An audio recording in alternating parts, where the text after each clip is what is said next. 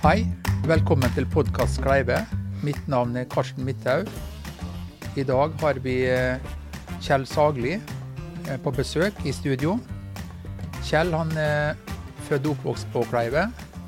Far hans dreiv mølle, så Kjell, møllerens sønn. Ja. Hva skal vi si? Eh, Hvor skal vi begynne? Alf Sagli. ja. Han var født inn i Saglia i 1920.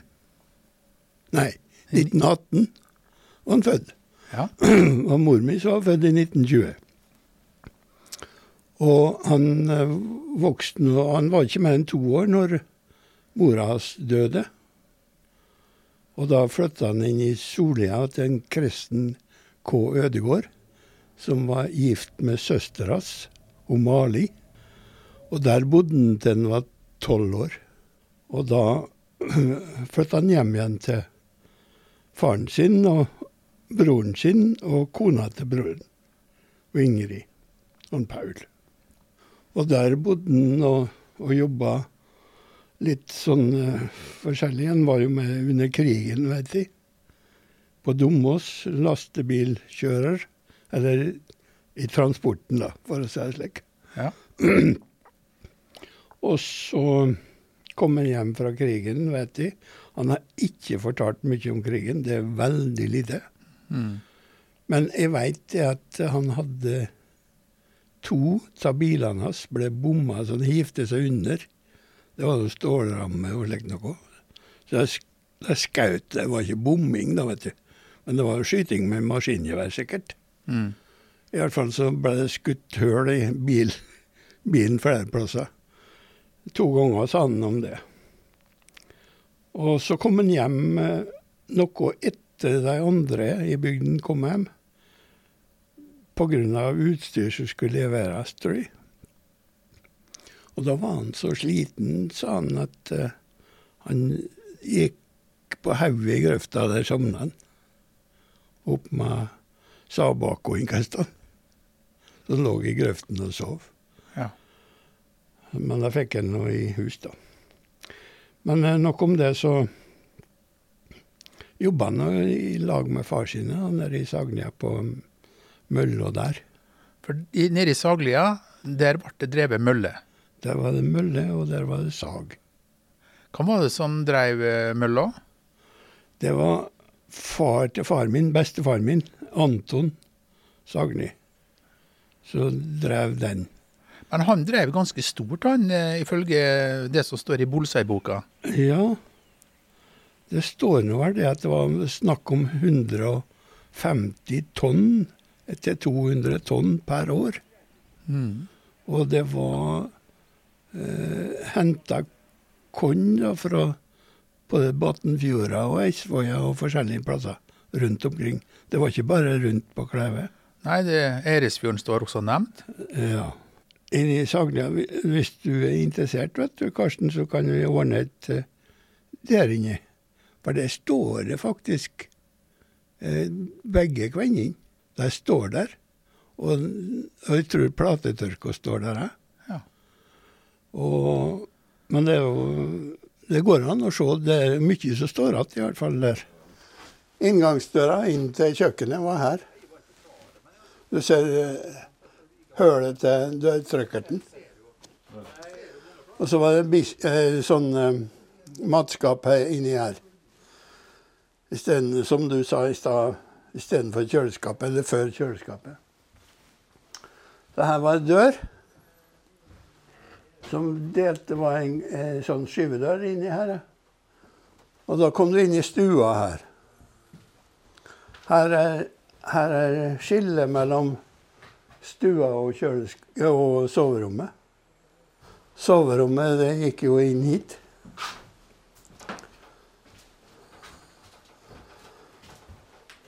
Og innafor her var det da kontor til og regnskapsføring til mølledrifta. Og etter hvert så fikk jeg dette rommet til soverom. Så det var ikke så store, store huset. Og det var heller ikke så godt isolert, som du ser. Vinduene er vel de samme. Enkle vinduer. Og under her så er det jo Saga.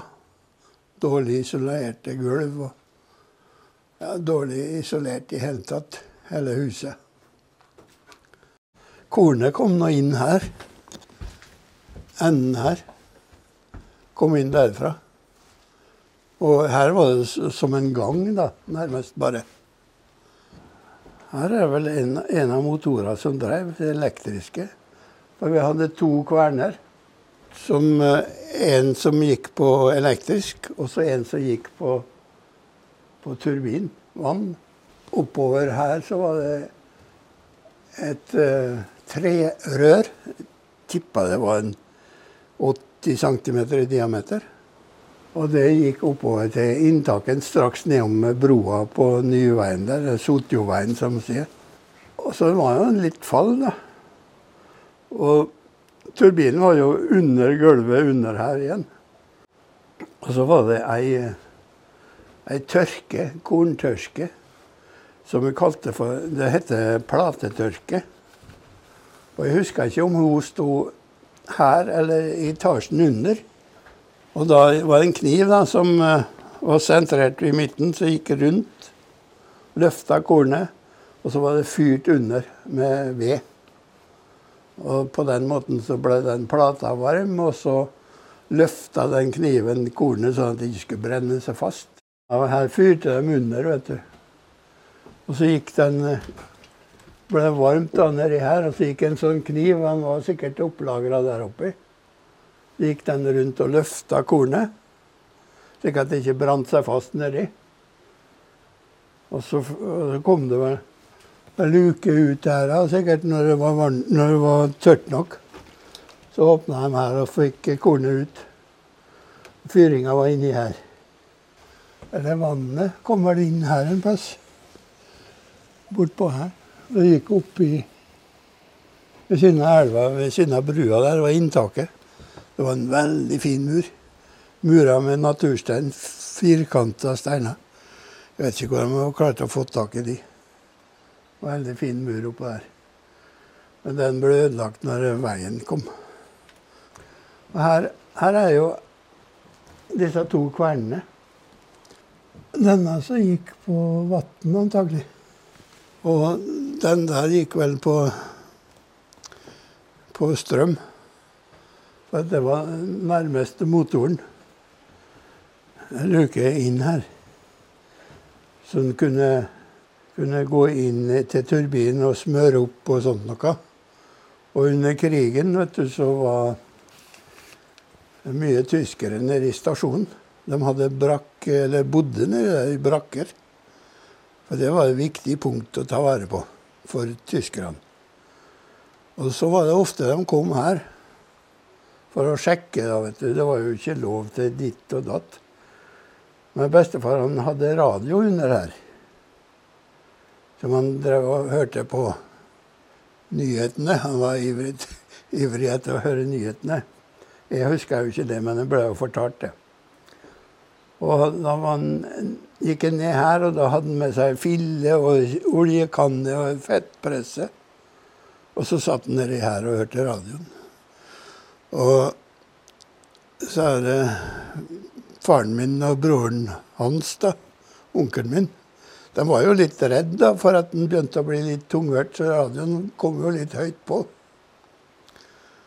Men han hørte at de de gikk jo med sånn hæljern. Det var ikke sånne mjuke sko som vi har i dag. Så de hørte når de tråk, tråkka i gulvet. Og da, da krøp han opp. Og da hadde han bestandig ei fille og oljekanne og fettpresse med seg.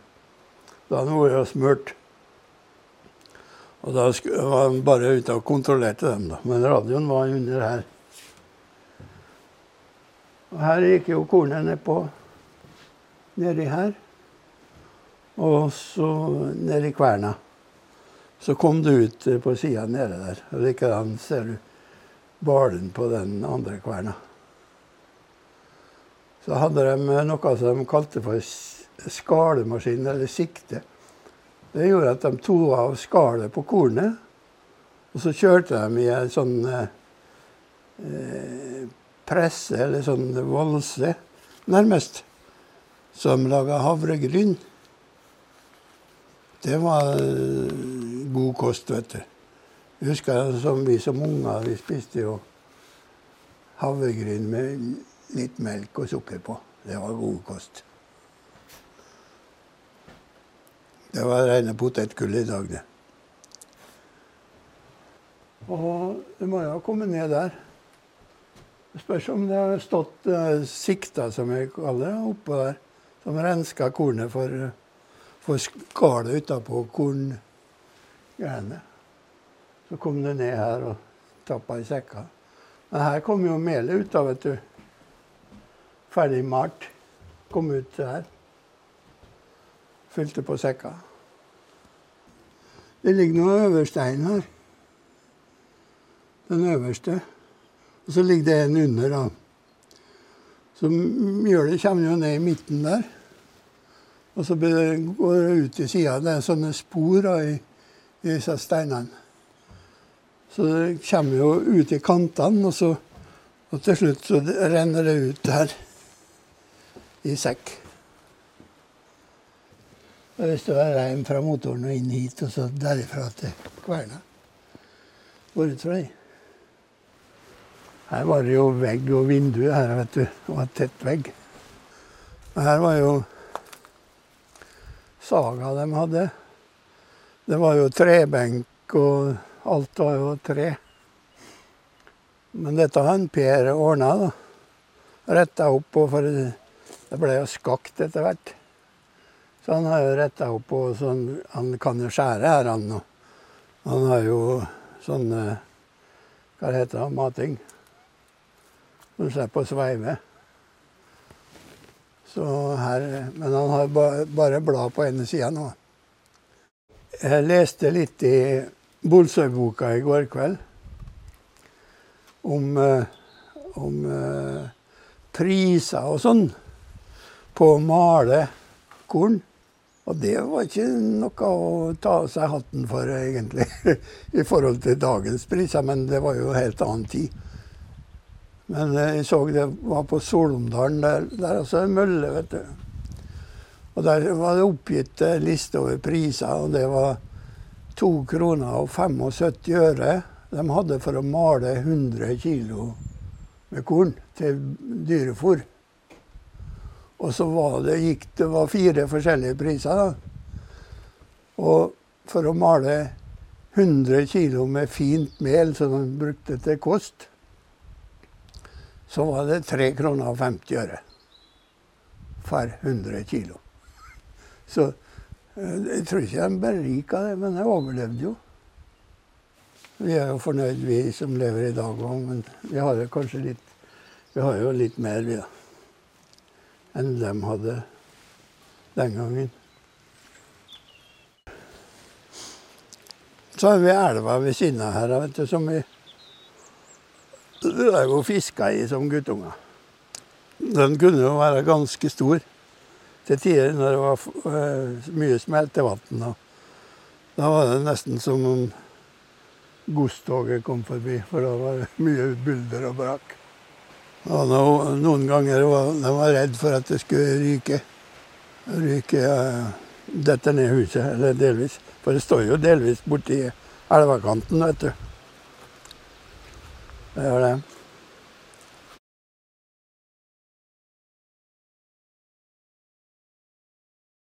Ja, For de som ikke er kjent med så når vi er inne i Saglia på Ista, så er vi jo i den elva, og det er utgangspunktet for Ista kraft. Ja. Og her kom Mistakraft. Det var etablert i 1918-1919. Mm. Så må anta at Saglia var en plassen i, i, den, eh, i området her som fikk først strøm. Ja, en fra Ista, første. Ista i hvert fall. Ja. ja. Og for at bestefaren min, for å nevne det, så han Anton han hadde fallrettigheter, han. Helt fra Oltervatnet og utover. Jeg hørte kåseri av Sotnak fra Istakraft en gang. Og der fant jeg en stor stein ved inn, innløpet, eller der utløpet er, da, fra eh, vatna, så det sto A Sagli på, eller ja, som det var. Men det særte den til Istakraft da skulle bygge en kraftstasjon. Ja. Fallrettigheten. Og det fikk en 10 000 kroner for. Det var mye penger den gangen. Satte pengene i banken. Og på 30-tallet så gikk banken bankrott, og mista alle sammen. Den historien, de lignende historier har jeg hørt før. Ja, Jeg tror det at det var, var egentlig ja det, det samme var som, mange, så det samme som skjedde med, med oldemor mi. ja. Eh, også at eh, hun hadde da penger, mye penger da stående i bank, og, og den gikk da konkurs på Det var begynnelsen av 20-tallet, og hun mista alt. Sto på bar bakke. Jeg trodde det var 30-tallet, men jeg er ikke sikker. Det tar, Var litt forskjellig. ja, det kan, var det alt etter hvilken bank det var, antageligvis. ja, det kan hende. Eh, I hvert fall, far din han eh, vokste opp med mølledrift, så det var ikke noe ukjent for han. Nei. Men så står det jo det at den der eh, mølla, eh, eller i Saglia, den lå litt eh, vanskelig til. Ja. Eh, så far din, han, eh, i, når han var i voksen alder, så flytta han til eller Kleive, eller han kjøpte da en tomt ute på Tomt, Nesbøen. Ja. Og da Starta jeg å bygge. ja, I 51 står det i Bolsaboka. Og var klar til å ta imot korn i 52. En gang i løpet av året. Og det er jo ei, et hus som er, som er Nå refererer jeg til Bolsabogin. At det er fire etasjer med kjelleren. Og, og er på 124 kvadratmeter grunnflate. Og der eh, drev en jo da mølla og, og kjøpte, eller var leiemaling, som de kalte det. Det var når, når de som hadde kornet, eh, kom og skulle ha mel tilbake. Men så hendte det at de dyrka mer korn enn de skulle ha sjøl. Da særte de kornet. Og, og far min han morna opp, og det han kjøpte, det leverte han til salgslaget, som heter Felleskjøp i dag. da. Vi har ikke funnet ut hvor stor eh, produksjon det hadde på mølla, men må anta at det var større enn det som var inne i Saglien. Ja. ja. Det var nok det. Der eh, var det jo Inni Saglia jeg snakka om at eh, det kom korn da fra bygdene rundt, men det kom også med båt. Ja. Da var det statens eh, kornsilo. De hadde sånne store kornsiloer, Statens kornforretning.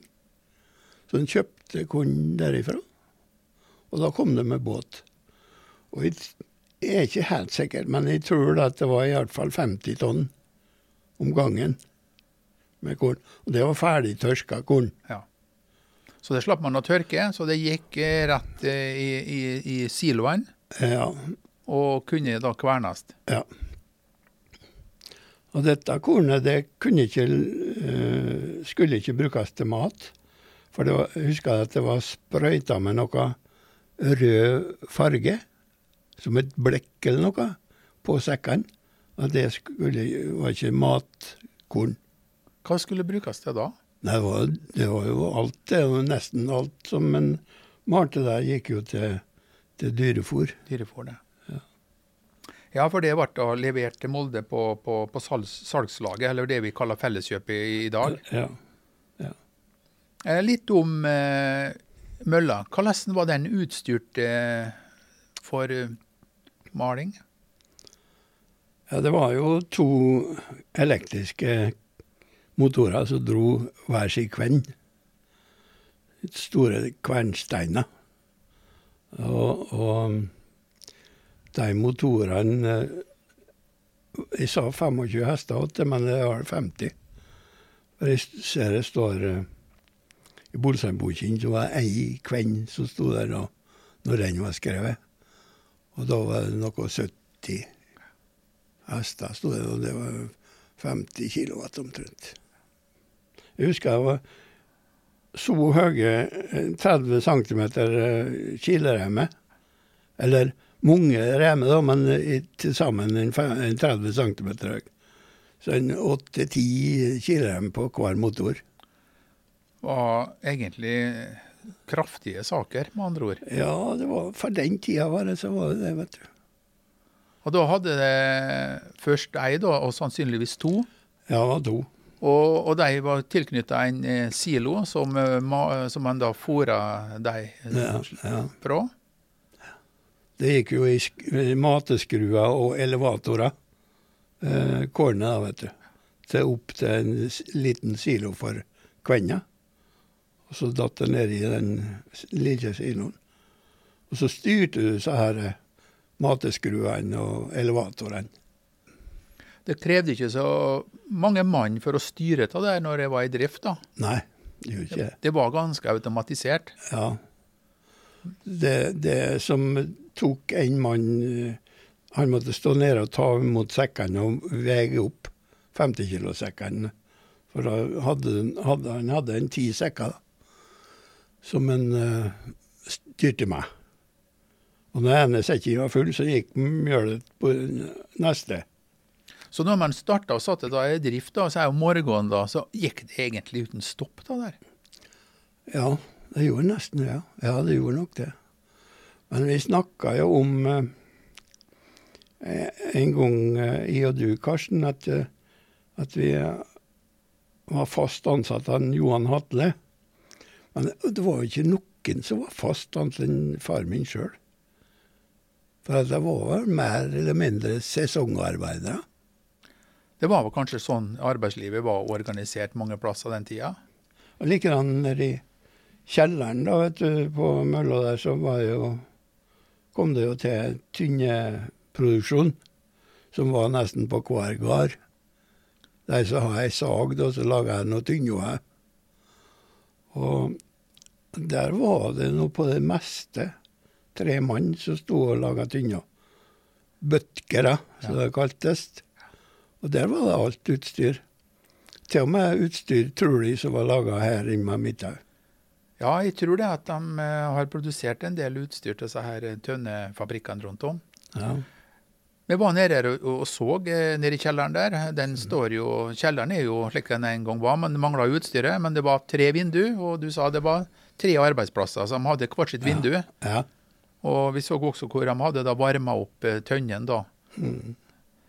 Så det virka jo som, og det, det har vi sett annen plass at det var en enormt stort eh, aktivitet der, eller rundt om i hele Norge å produsere tønner. ja. Eh, og jeg så en sånn historie at eh, på det meste så gikk det med, på store fisker i Norge så gikk det med sånn en million tønner da i sesongen. Ja, kanskje Ja. Så det var, så det var, så det var ganske Det var silda de brukte tønnen til for det meste, tror jeg. Ja. ja. salta sild. Mm. Eh, Hatle var der som eh, ansatt, da, kanskje sesongarbeider. Ja. Det er også nevnt broren Paul ja. eh, var inne der. Men når høsten kom, da, da var det jo sesong. Da var det liksom på det hardeste. Ja. Da var det jobbing natt og dag, for da kom det inn korn med mye vann til. og de måtte tørkes i tørka som vi hadde der. Det var jo varmt vann og så, sånne radiatorer nærmest. Og så var det sånne ja, Hva skal jeg kalle det? Sånne skjold. Som, eh, Vibrerte. ja, så, og så datt det ned. Men det var jo varmt inni der, vet du. Men kongen måtte ha en, eh, en eh, tørrhetsgrad på 20% Det måtte være mer tørt enn 20 ja. ja, før at det kunne ja. brukes. For, eh, ja. For hvis ikke så ble det varmgang og kunne forråtnelse. Ta fyr, har jeg tenkt på seg. Ja, det var snakk om det. Vel- Veldig varmt. Det var det helt sikkert, for det ser man jo bare i en, en, en flishaug når den er våt. Ja. Ja. Rykte det sånn. Mm. I, i, I første etasjen, var det, eller i kjelleretasjen, så var det jo tønneproduksjon. ja. Eh, der var på det meste tre mann Mm. som var tilknyttet den. Var det en Alf som eh, starta den tønneproduksjonen? Ja, sammen med en Kresten K. Ødegård. Han som var gift med søstera. Han som var gift med søstera, Mali. Hva var det som jobba der eh, til den daglige drift? Nei, det, det som var der for det meste, det var en Knut Næss. Far til Vigdis og Olaila. Ja. Det, han var der mye. Og så mener jeg det at han eh, Johan Solli og han Dyrli eh, Ikke Jan, men eh, ja, Jeg husker ikke fornavnet hans. Det er i hvert fall far til Per Johan og Jan. Johan? Ja, det kan hende at han het Per Johan? Per Johan, ja. Mm. Hvor eh, tid var man starta på dette her i forhold til Tror du i forhold til Mølla. Ja, den var jo starta i 52. Ja, nei, det, jeg tenker det at det var i midten av 50-tallet. Og hvor lenge holdt man på? Nei, det, jeg flytta jo herifra i 60, Ja. så Og det brant jo i 67, men det slutta før den Ja. tida. ja. Nå er vi inne på det her. For mølla det er jo liksom vært et sånt eh, ja, et sånt landemerke på Kleive. Far min var jo veldig mye ute med, med far din Alf, og det var ute på mølla og, og så videre. For, men når jeg vokste opp, så var det jo ikke mølledrift der nå. Men eh, Og jeg har aldri reflektert Jeg har jo altså forstått at det var mølle der, men, men så skjedde jo et eller annet her. Noe dramatisk som gjorde at det her tok slutt. Ja. Og hva, hva var det som eh, gjorde enden på det her? ja, det var jo det brann opp i 1967. Og det var i januar måned. Og det hadde tatt fyr, og far min hadde gått opp for å Jeg vet ikke om det var for å ta kvelden, eller Det, det tør jeg ikke si, at det var jo virkelig platetørke og gikk nedi kroken der nordøstre hjørne på huset. Det var platetørke. Og han Edvard, bror til mor mi, han bygde hus litt innei oppe, om det var husas Le Forsbø nå, eller om det var husas Tormod Sotna kan drømme, det skal ikke si sikkert. Men han skulle hjem, og det var like i 5-16. Og da så han at det var mye røyk og ild, så han for utover og vaske guddet, sa ifra. Mm. Og da ble det jo full, eh, full eh, fyr, jeg tenker på det. Full eh, alarm. Ja, Vi har jo et bilde som viser at eh, her var det snakk om full overtenning. Det var voldsomt det ja. brant her. Ja, det var jo mye tre. Tregulv, trebjelker, tak av tre. Og, og siloer og utstyret. Ja, mye tre, vet du, inni der. Og tørt. Vi så jo det at eh, det kunne ikke være noe enkel oppgave skulle slukke av der, og det hadde man vel ikke utstyr for det på den tida heller. Nei, det var vel ikke det. Så da tok eh, mølledrifta en brå slutt. Ja. Så ville vel kanskje far din bygge opp dette her, da? Ja, men da kom eh, Vegvesenet inn og sa at jeg vil ikke ha noe hus attmed veien. Huset sto jo der. Det sto der, men jeg ville ikke at det skulle bygges opp igjen. Eh, det var en veimester, veimesteren Nei, veisjefen het det vel. Han het Torvik. Han eh, var ikke råd å forhandle med noe. Han ville ikke ha noe mølledrift på veikanten. Nei. Og så ville han at jeg skulle flytte ned på, ned på sjøen. Ja, Ned fjøra. Flytte nærmere sjøen. Ja. For eh, det er jo fornuftig, og det er for at båtene kom nå med, med sjøen nå. Ja. Så, men de ville jo ikke ta merkostnaden med å, å bygge opp et, et nytt uh, anlegg nedpå der. For at de kunne bruke opp igjen uh, betongen, eller murene. Ikke bare murene, men veggene var jo av betong, vet du. For den mølla slik som står i dag, det er jo bygd på det som eh, sto igjen. Ja, Og betongen eh, greide seg jo tydeligvis eh, Ja, veldig godt gjennom den brannen. Ja, han gjorde det. Det var vinduer og noen sprekker var i betongen da. Og taket. Men selve skallet, det står der. Ja, for det å flytte ned til sjøen, det ville jo ha medført en stor kostnad. Ja. Eh, og det var det ikke rom for. Nei, det var ikke det. For at han var vel litt underforsikra. Oh, ja. Skulle jeg prøve å spare litt kroner, vet du, så, så det var ikke så Det var ikke fullverdig forsikra. Så han gikk seg Ja, da Han gikk jo på en bom der, vet du. Ja. Men dere prøvde jo i hvert fall også å få bygd opp dette her. Ja. Eh, Så det ble flere runder, og du fortalte det at til slutt så, så ga jo far din opp, og så prøvde du å hjelpe han. Ja. ja han brukte jo noe som heter Statens korn... Nei, det er Bygdemøllenes eh, sentralforbund, tror jeg det heter. De hadde advokat. Så de eh, Far min og han advokaten da, de drev og, og korresponderte med Vegvesenet. Og skrev brev og fikk svar, og ikke noe fremgang i den drifta.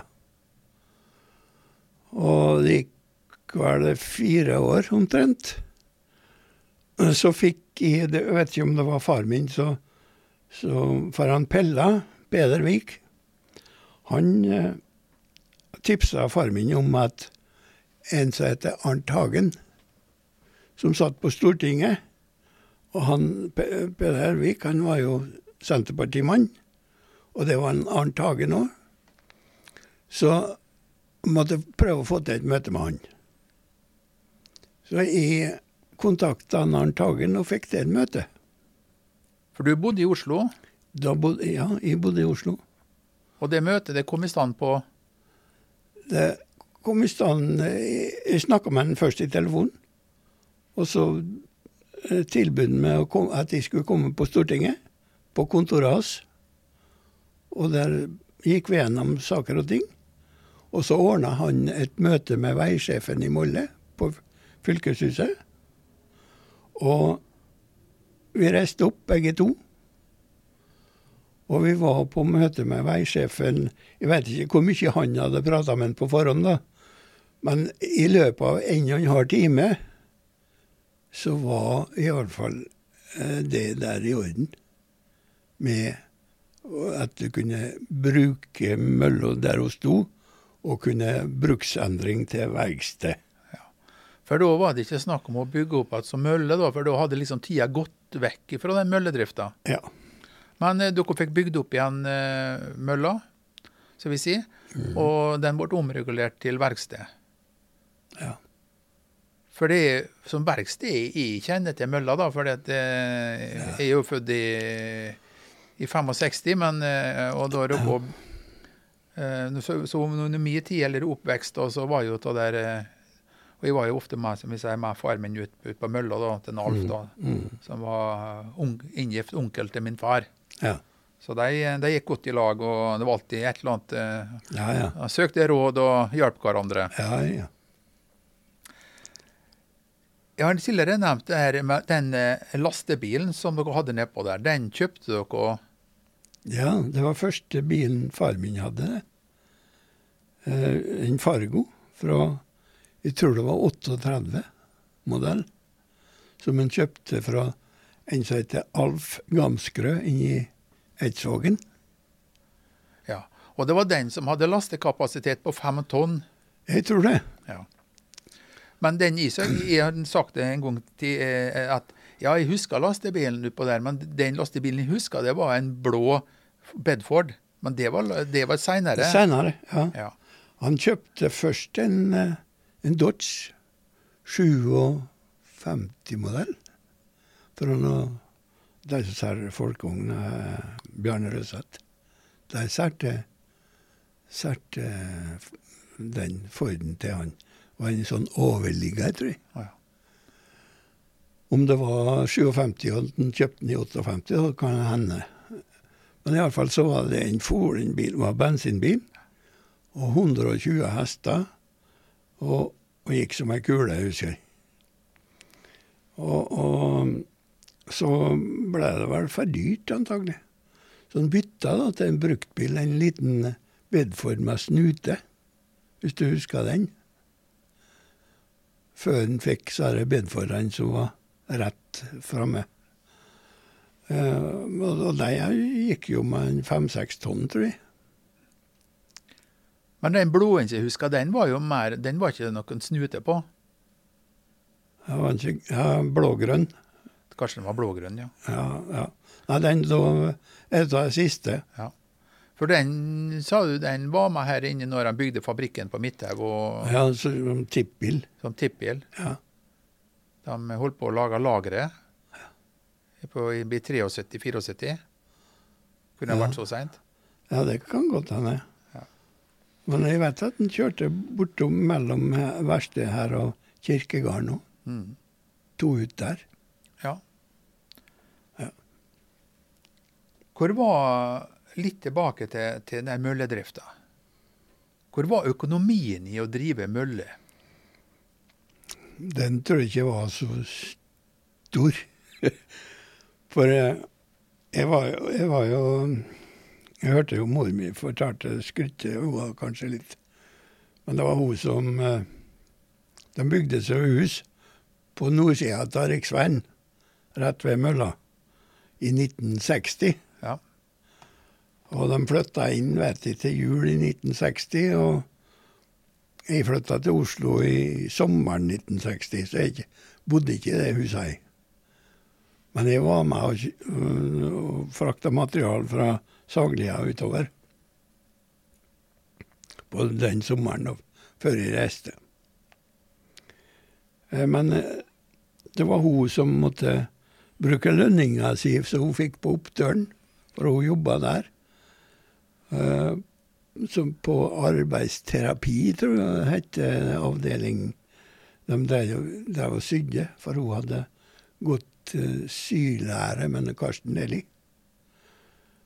Og, og da når hun gått gjennom læra der, da kunne jeg sy. Og, og så hun sydde jo litt hjemme, da, til slekt og venner. Hun sydde om klær og sånt. Men så fikk vi også jobb på Oppdøl. Og det var visst eh, en velsignelse. For da ble det fast inntekt? For da ble det fast inntekt. Og og Odd, da, som er broren min, vi sa det at vi måtte lage middag, vi da. Men det var ikke helt sant. For at vi bare skrudde på ovnen, og så var det klart å sette over på plata. Poteten var ferdig renska der, så det var bare å dra den bort og slå på varmen, så ja, ordna det seg. Ja, og passe på å slå av igjen. Ja. Så det vi gjorde, egentlig. Men uh, vi lærte jo å bake sånn jeg, jeg husker jeg laga ei sånn pepperkake. Sånn rund formkake. Da var jeg jo vel tolv år, kanskje. Ja, Man måtte begynne litt tidligere ja, den måtte, tida. Måtte det. Eh, du sa jo det at du, du flytta tidlig til, til Oslo, men du rakk jo å være med i eh, mølledrifta òg. Ja. Hjelpegutt, ja. om ikke annet. Ja. Jeg husker jo jeg husker jo én ting, at jeg klarte å lage ei tynne før jeg var konfirmert. Fra scratch. Det, da var det ja, alt sammen.